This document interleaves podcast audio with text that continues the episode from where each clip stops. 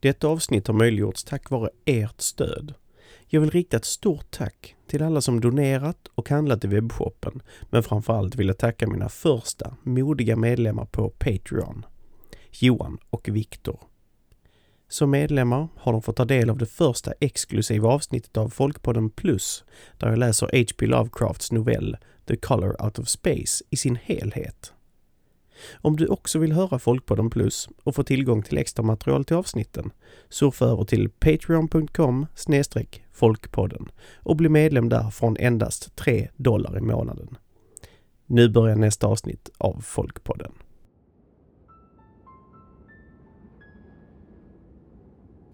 Få saker lockar och fascinerar människan som mötet med det okända. Oavsett var eller när i livet vi befinner oss tycks det okända vara ständigt närvarande och lockande. Även om vi inte uppmärksammar det direkt. Men när vi väl gör det kan det sluka oss.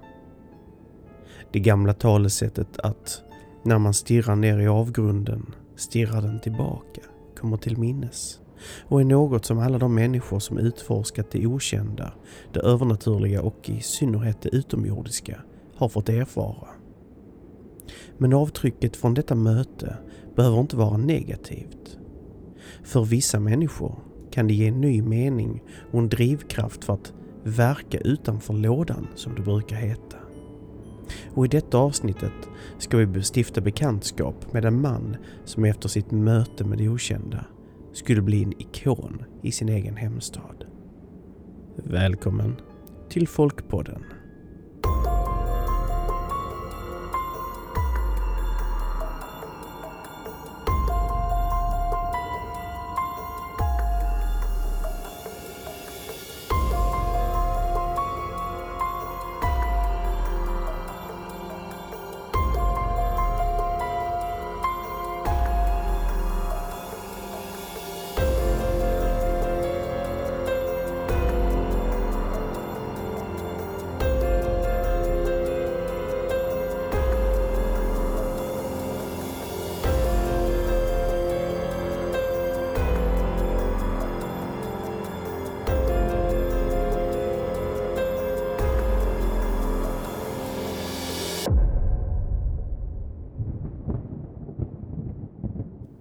Vid Skånes nordvästra kust ligger staden som 1946 skulle bli skådeplats för en märklig incident.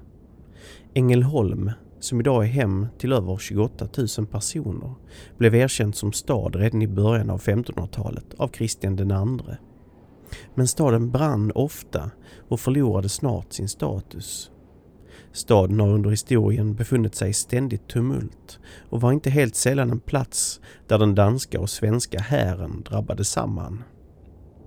Många år senare, mellan 1940 och 1945, anlades F10, den skånska flygflottiljens bas strax utanför Ängelholm.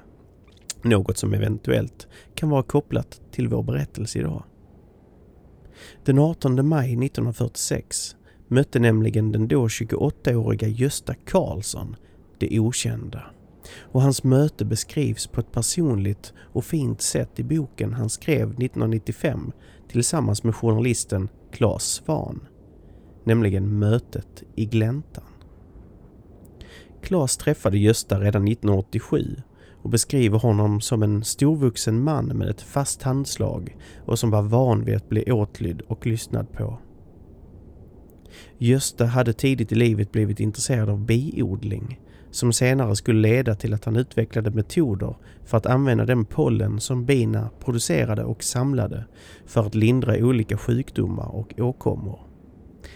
Detta skulle ge honom stora rikedomar och smeknamnet Pollenkungen eller Pollenmiljonären.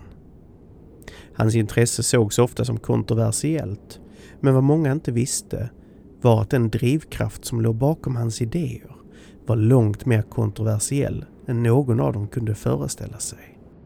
Så här berättar han själv sin historia i boken Mötet i gläntan.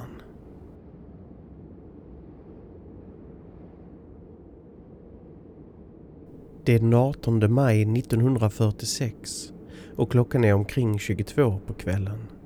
Himlen är mörkblå och sikten klar och en lätt bris blåser från öster. Jag har åter tagit plats på fortets stålkupol vid Skälderviksstranden. Jag sitter och lyssnar på den vackra fågelsången från trastar, rödhakar och flera fåglar i kören. Som vanligt har de så kallade sjödammarna vaknat ordentligt till liv och börjar nu befolkas av alla de fågelarter som har sitt tillhåll här. Dessa dammar är ett underbart fågeltillhåll. Gamla träd får stå kvar och därför finns det utmärkta tillhåll för ugglor, hackspettar och en otrolig mängd andra fåglar. Visserligen svårbesökt, men just därför har allt utvecklats enligt naturen själv. Jag har många gånger haft en dröm om att få göra detta område till ett fågelreservat, att bevaras för all framtid i sitt nuvarande skick. Men att jag skulle få förverkliga mina drömmar tillhör något av det mest positiva i mitt liv. Det börjar mörkna och jag inser att det är tid att bege sig hem. Klockan är 22.45 och jag tänder min orienterarlampa som jag alltid har med mig på kvällspromenader. Jag går upp på en backe där man har fin utsikt in i både Kronans och Vegeholms skogsmarker. På Vegeholms mark strax efter fågelkärret och en liten bit in i en björkskog bestående av stora gamla träd finns en stor gräsglänta som jag känner väl till. Till min ungdoms odygder hörde bland annat att skaffa fågelägg av så många olika slag som möjligt. Då som nu var förstås detta förbjudet, men vi pojkar tog inte så allvarligt på denna lagbestämmelse som då heller inte var lika aktuell som nu för tiden. Just vid denna gräsglänta häckade gulsparv, kornsparv och olika slags piplärkor och några av de gamla björkarna höll ofta kattugglor till. Av en ren tillfällighet kastar jag en blick ner mot gräsgläntan som man på grund av träden inte ser så tydligt. Jag tycker först jag ser något ljus där inne. Men det kan kanske vara en reflex från min egen pannlampa. Jag släcker den, men fortfarande finns ljusskenet kvar. Det kan ju vara tidiga kampare eller ungdomar som håller till där. Jag beslutar mig för att gå dit. Jag kilar ner för backen och hoppar över en smal grop som samlar upp skogsvatten och rinner ut i fågelkärret. Till höger om mig har jag en rad tallbevuxna sandkullar som skymmer gräsängen en liten bit. Så tar dessa slut och just som jag ska svänga ut på ängen får jag se en syn som för alltid har etsat sig fast i mitt minne. I den bortre änden av ängen, bara några meter från en ensam fura, står en belyst farkost som jag aldrig sett maken till, varken förr eller senare. Min första tanke är att det är en tivolikarusell som någon kört dit. Men jag insåg snart att det skulle varit omöjligt eftersom att inga vägar ledde fram till gläntan. Föremålet har en form som något liknar en diskus och det vilar dels på en kraftig fena i riktning mot furan, dels på två teleskopstöd. Allt fördelat så att det verkar som om dessa stöd är placerade på lika avstånd från varandra på den cirkelrunda farkosten. Rakt framför fenan på farkostens underdel är en lucka nedfälld med stege och ledare liknande de man ser på båtar. Luckan är en och en halv meter över marken och jag ser hur ljus strömmar ut från kabinen. Jag gör ett försök att kika in i farkosten men vinkeln är för snäv. Allt som syns är det starka ljuset. På farkostens översida finns en strömlinjeformad kabin som uppskattar till omkring 8 meter i diameter. Med ungefär en meters mellanrum ser jag ovala fönster. Kanske en halv meter långa och cirka 30 centimeter höga. Men när jag tittar på farkosten kan jag inte låta bli att tänka att det är någon som försöker skoja med mig. En tanke som far genom mitt huvud är att det kanske är tyska piloter som har flytt från något läger. Men innerst inne tror jag inte på det själv. Ovanpå kabinen finns en teleskopmast, nästan som ett periskop på en ubåt. Höjden är ungefär densamma som furan och jag uppskattar farkostens tjocklek på mitten till ungefär fyra meter. Vid sidorna allt närmare en meter och mastens höjd bör vara omkring fem meter. Uppe i toppen är den uppsplitsad i fyra delar. En bit ner upptäcker jag den lampa som sände ut egendomliga violetta sken som jag upptäckte från stigen. Det är riktat neråt och täcker hela farkosten som en ostkupa med några meter till godo utanför. Själva ljuskäglan liksom pulserar fram från lampan, nästan som vattnet från en fontän. Och egendomligast av allt, ljuset får på detta sätt en krökt bana. Där det träffar marken eller gräset försvinner det med ett gnistfenomen som liknar det som uppstår av tomtebloss. En lukt av ozon sprider sig genom luften. Det är som om en elektrisk ridå har sänkt sig över farkosten. Skrovet och kabinen verkar vara utförda i ett stycke. Man kan varken se skarvar eller nitar någonstans. Runt underkanten på farkostens omkrets finns ett antal hål, ej olika de som finns på turbiner, riktade neråt och försedda med spjäll. Och några meter framför och utanför spökljusets cirkel står en man iklädd en vit dräkt som verkar nästan gjuten på honom. Han är klädd som våra astronauter är idag. Hur jag än tittar kan jag se varken knappar, dragkedjor eller andra knäppningsanordningar. På fötterna har mannen blå eller svarta korta stövlar som sluter till. Runt midjan ett brett svart eller blått bälte och på huvudet något som liknar en regnkapuschong. Bara med den skillnaden att den också täcker framsidan av ansiktet och är gjord av något genomskinligt material. På händerna bär han fingerhandskar och på bröstet hänger en svart sak som liknar en bälgkamera men i övrigt ingen utrustning. Mannen verkar vara en vakt. Där jag står nu är jag bara ett tiotal meter från farkosten och kanske sju eller åtta meter från den här mannen. Det konstiga var att alla vände sig mot mig när jag kom in i gläntan. Det var som om jag var väntad, men inte önskad. Uppe på farkosten vid ett av fönstren finns ytterligare tre män, tydligen sysselsatta med något arbete. Strax nedanför ser jag ytterligare två som assisterar och innanför ljuscirkeln, vända mot mig, står tre flickor. Alla är klädda på samma sätt, i samma helgjutna vita flygdräkt med samma färg på stövlar och midjebälte. Alla innanför ljuscirkeln har den genomskinliga kapuschongen fälld tillbaka i nacken. Gösta var nu ungefär 10 meter från farkosten och kanske 7-8 meter från vaktposten.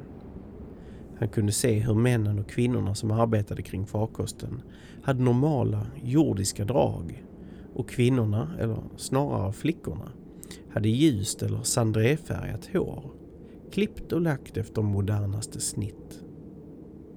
Männens hår kunde Gösta aldrig se, för på huvudet hade de någon slags liten svart huva. Inte olikt de man sett stridsvagnsförare vara utrustad med. Från huvan gick något som liknade öronproppar och det verkade som om personerna kring föremålet konverserade med varandra genom dessa kalotter utan att röra munnen. Men då hände plötsligt något. Mannen som står utanför ljuscirkeln och som jag nu efteråt förstår tjänstgjorde som någon slags vakt gör ett perfekt stopptecken med ena handen i höjd. Det är en åtbörd som inte kan missförstås och jag stannar också. Jag har fortfarande pannlampan på huvudet fast släckt. Vaktmannen vrider sin svarta liknande grej mot mig och jag får intrycket av att det är för att ta någon slags bild. Jag tycker mig höra hur det knäpper till i lampan som jag har släckt men tänker inte mer på det. Jag är på väg att gå några steg närmare honom men han höjer ögonblickligen handen och samtidigt tycker jag mig höra ett klick från min pannlampa igen. Jag blir stående stilla och samtidigt gör vaktmannen ett varv runt farkosten. Hela tiden på yttersidan av ljuscirkeln. De båda männen och flickorna återgår till sitt arbete på kabinfönstret. Det är möjligt att det är två vaktmän men är en placerad på farkostens baksida. Detta kanske kan förklara att det alltid finns en man mot den sida där jag står. Jag känner mig ungefär som ett vilt djur måste göra utanför den ljuscirkel som safarijägare brukar göra upp i Afrika. Så plötsligt kommer en mörklockig flicka ner för trappan på kabinen under farkosten. I handen har hon något som liknar en bag och hon delar ut bägare till både män och kvinnor. Alla slutar upp med sitt arbete och dricker ur dessa bägare. Så får jag plötsligt lust att gå fram till dem och prata lite. Men så fort jag tagit ett steg står vaktmannen åter framför mig med handen höjd till stopptecken och alla tittar allvarligt på mig.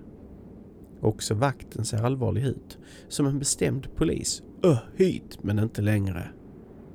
Han släpper mig inte med blicken en sekund. Det är som om den här ostkupan av ljus skärmar av farkosten från omgivningen och att vaktposten är placerad utanför för att se till att ingen försöker ta sig in. Kanske hade jag blivit skadad om jag försökt passera ljuset. När jag tar ett steg tillbaka fortsätter alla med sitt jobb och jag känner mig en aning tillplattad. Två av flickorna ler så vackert mot mig och jag ser deras blixtrande vita tänder. Jag kan skryta med att jag inte brukar vara rädd för någonting och jag har tillbringat tillräckligt mycket tid i skog och mark för att varken tro på fan eller trollen. Men detta är ändå allt för egendomligt. Människorna får mig att tänka på folk ifrån en pingstkyrka eller något sånt.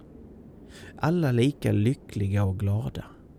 Man får intrycket att de inte har några bekymmer. Att de hade löst alla sina problem.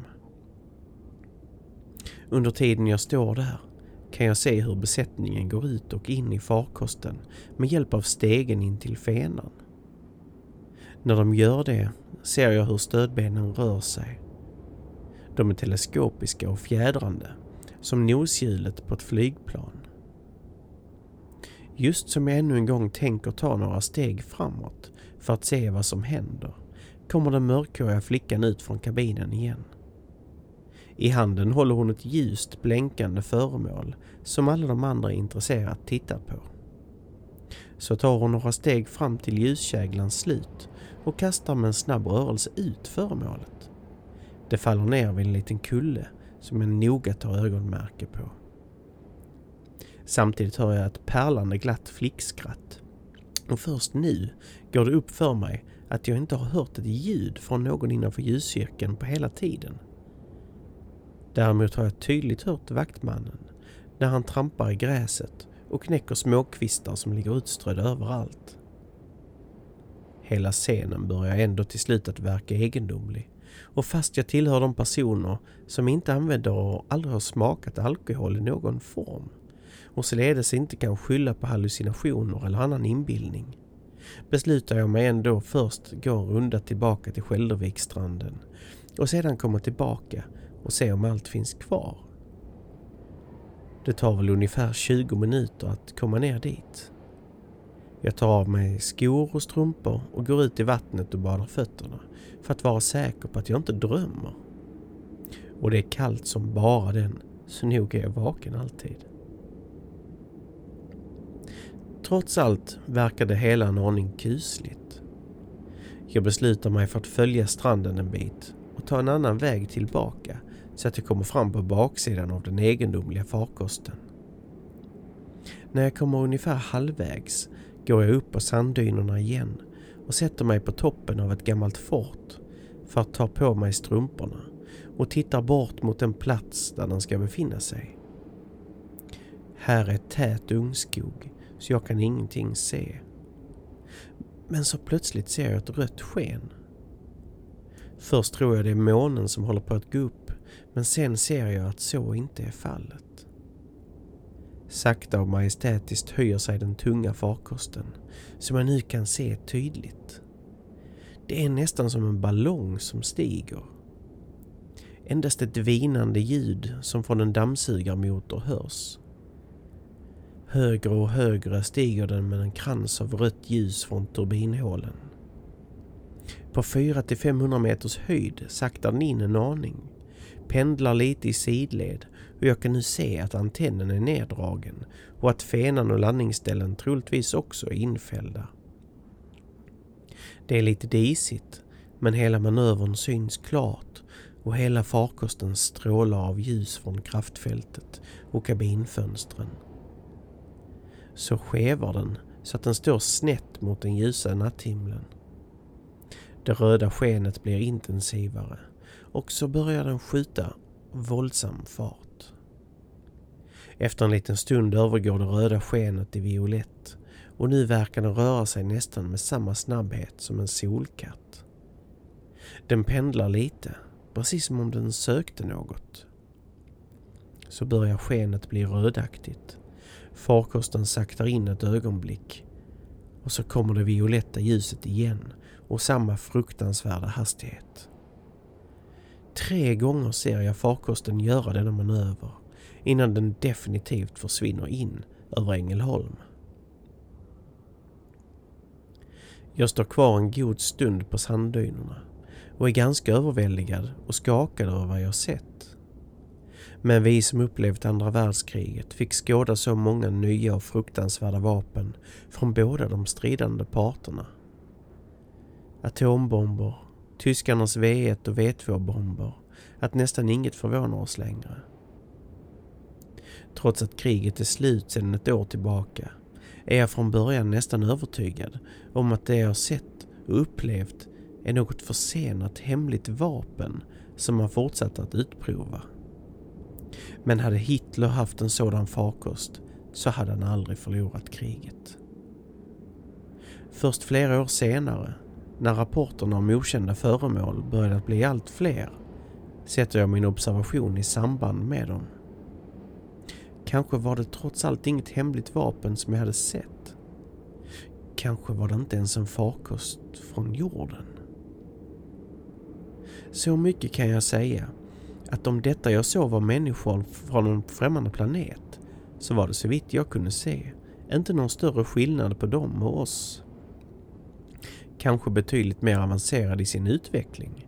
Men i övrigt, i fråga om längd, utseende och så vidare, så tror jag att om man tagit av dem flygdräkterna skulle vi knappast kunna skilja dem från oss själva. Jag travar tillbaks över sanddynerna för att gå den vanliga vägen hem. Landshövdingevägen är ojämn och svår att cykla på så jag ömsom går, ömsom trampar en liten bit. Det har nu blivit mörkare och för att kunna se vägen bättre försöker jag tända min pannlampa. Fast jag slår till strömbrytaren får jag inget ljus. Jag skruvar av bottnen och tar ut batteriet. Det känns varmt, så det måste ha blivit någon kortslutning. Ett ögonblick tänker jag på vaktmannen och det mystiska klick jag tyckte mig höra när han riktade den svarta grejen mot mig. Men detta verkar för fantastiskt. När jag sedan dagen efter satte i ett nytt batteri fungerade lampan åter oklanderligt. Givetvis kan det ha en naturlig förklaring. Men det hände i samband med allt det här för jag hade den tänd ända tills jag gick ner mot ljuset. Då släckte jag den eftersom jag tänkte ta dem på bar gärning om det var några grabbar som eldade. Det har aldrig hänt, vare sig förr eller senare. När Gösta Karlsson fortsatte landshövdingevägen hem den kvällen följde han grusvägen med en cykel intill sig. Pannlampan var sönder och det blev inga mer avstickare in i skogen.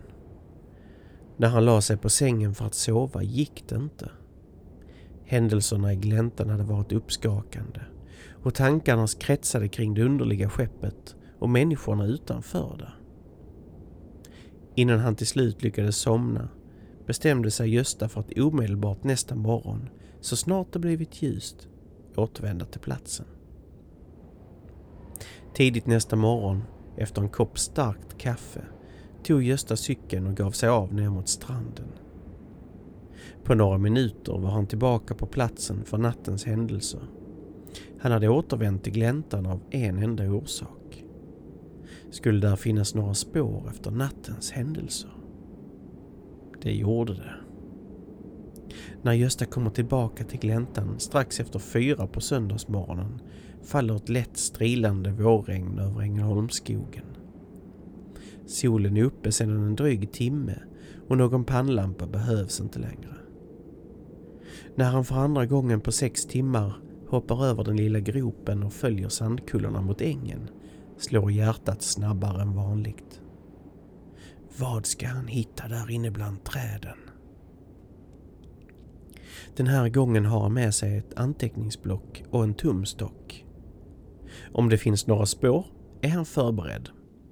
Säker kan han ju inte vara. Och först blir han besviken.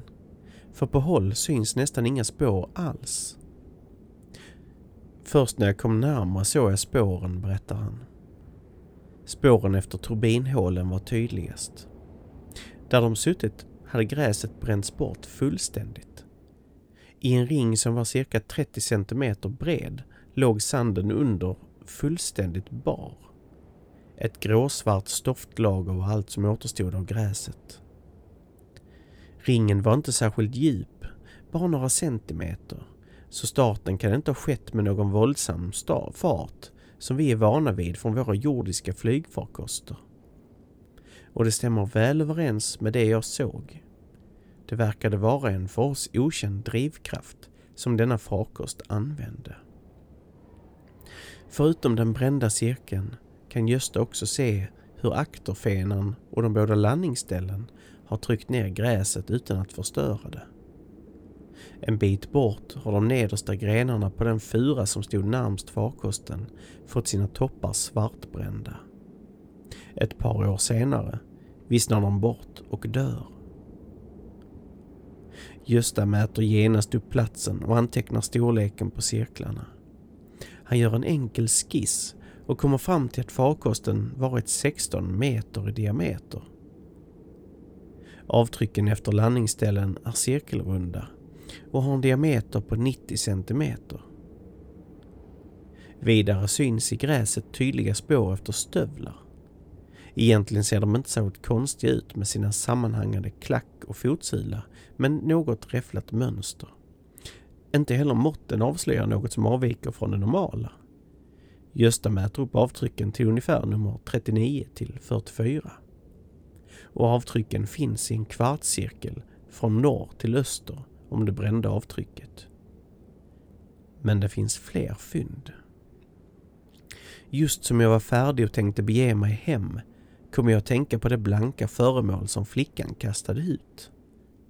Jag hade tagit ögonmärke på platsen, en liten kulle nära ljusridån. När jag tittade såg jag något som glimmade i gräset och jag tog upp en glänsande stav av violett kvarts, cirka 4 cm tjock, 5 cm bred och cirka 12 cm lång. Den hade fasade hörn och var bränd och smält i den ena änden. Några decimeter därifrån fann jag en liten vacker ring med ringmått 17 i någon grön metall och en vacker sten i infattning. Den liknade inte våra moderna ringar. Den här var lite skojigare. Och så fanns, finns det några kryss som kunde tydas som initialer eller någonting annat på gavlarna. Min första tanke var att någon hade tappat den och jag borde överlämna den till polisen. Men sen satt jag i ringen i samband med farkosten. Innanför ljuscirkeln, nära den brända furan, kan Gösta också plocka upp två av de muggar som kvinnan serverat dryck i. De ser ovanliga ut med sin böjda pip, nästan som små oljekannor. När han skakar på den ena känner han hur det fortfarande finns vätska kvar på botten. Med sina fynd i fickan cyklar Gösta tillbaka hem för att skriva en rapport till myndigheterna. Men rapporten till försvarsstaben kommer aldrig iväg. Andra, än underligare händelser hindrar honom från det. När jag kom hem och skulle visa min fru vad jag funnit var det första hon sa till mig Men du är ju gul i hela ansiktet.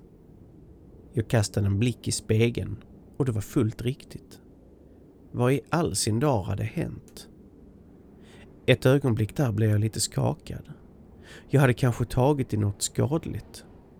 Men så såg jag att det gula också fanns utanpå rocken och till min lättnad gick det lätt av med lite vatten. Jag tog lite av det och la under mikroskopet. Saken var klar. Det var helt enkelt pollen. Då visste jag också var det hade kommit ifrån. Från björkarna, givetvis. Grenarna hade ju skrapat mig i ansiktet. Det var då jag började fundera ut en metod som sedan lyckats över all förväntan och som nu gör det möjligt för mig och det bolag jag startade 1952 att samla in pollen i nästan obegränsade mängder och som gjort det möjligt för mig att starta en läkemedelsindustri baserad på en råvara som funnits i evärdliga tider men som man hittills bara inte tänkt på. Så nog kan det hända att jag ibland polerar min kvartstav lite extra noga och samtidigt tänker på denna speciella händelse. Tänker på männen och de vackra flickorna och undrar var i all världen de kommit ifrån. Var de skulle och om jag någonsin träffar på dem igen. Det som hände Gösta Karlsson i Gläntan under dessa timmar den 18 och 19 maj 1946 skulle bli inledningen till en serie svårförklarliga händelser. Gösta började uppleva verklighetstrogna drömmar om nätterna. Drömmar som kanske inte var några drömmar alls. Drömmar som tog honom tillbaka. Tillbaka till de vackra människorna han hade sett utanför farkosten. Gösta Karlsson är inte vad man skulle kalla för ett household name idag. Men hans insatser för Ängelholm är inte att förkasta. Vare sig det är genom hans företagsamhet som pollenmiljonären eller patron av Ängelholms många idrottsföreningar, däribland ishockeylaget Rögle BK, så minns han än idag av många ängelholmare och ufo-intresserade för sitt möte med den märkliga farkosten i skogen i utkanten av staden den 18 maj 1946. Gösta Karlsson gick tyvärr bort den 4 oktober 2003. Men han lämnade efter sig ett kulturellt arv som berör både lokal folktro och internationell högaktuell ufo-forskning. För den som är ytterligare intresserad kan man än idag besöka det monument som Gösta lät resa på platsen där han säger sig ha mött människorna och farkosten. Länk till platsen finner ni i show notes. Du har lyssnat till Folkpodden säsong 3 avsnitt 4 Mötet i Gläntan. Historien om Gösta Karlssons möte läste ur boken med samma namn av Claes Svan och Gösta Karlsson utgiven av NTB Parthenon 1995. Om du gillar Folkpodden kan du stötta projektet genom att bli medlem på vår Patreon-sida på patreon.com folkpodden. Som medlem får du tillgång till exklusiva avsnitt av Folkpodden Plus, bakom kulisserna material och fulla manuskript till avsnitten och mycket mer. Du kan även stödja Folkpodden genom att handla i vår webbshop Frontier Unknown eller via Swish. Länkar och mer information finner du i show notes. Tack för att du lyssnat. Vi hörs snart igen.